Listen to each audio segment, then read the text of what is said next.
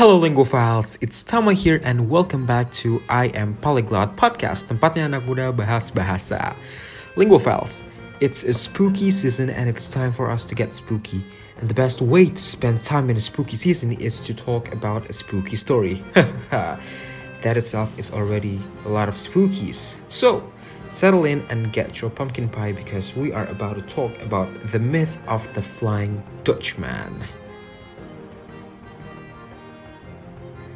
So, Linguaphiles, if you watch SpongeBob SquarePants, you're probably familiar with the Flying Dutchman. Yes, that green ghost who likes to scare people. Do you know that it's based on a myth? This legendary story started in the era of VOC. So, the story begins.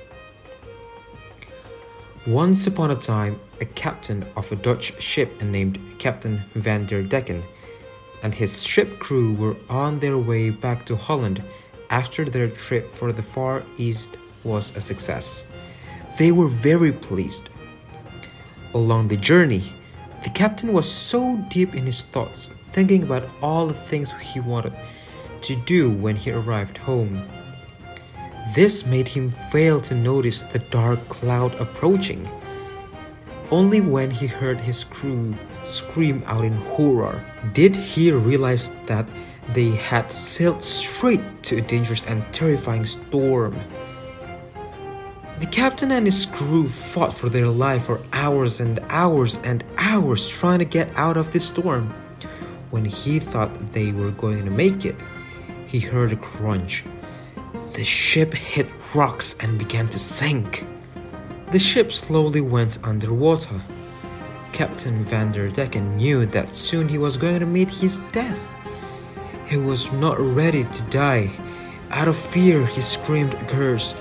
I will round this cape even if I have to keep sailing until doomsday.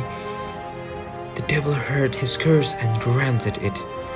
So, until today, whenever a storm hits the Cape of Good Hope, if you look into the eye of the storm, you will be able to see the ship, the Flying Dutchman, and its captain. But beware not to look too carefully, for the tale told that whoever sights the ship will die a terrible death. So, that is the story of the famous Flying Dutchman. Do you think it's true? We don't know that for sure, but Try not to look too closely at the storm in the Cape of Good Hope. We don't know what would happen, right, Linguaphiles? Well, it's time for us to say goodbye now, sadly.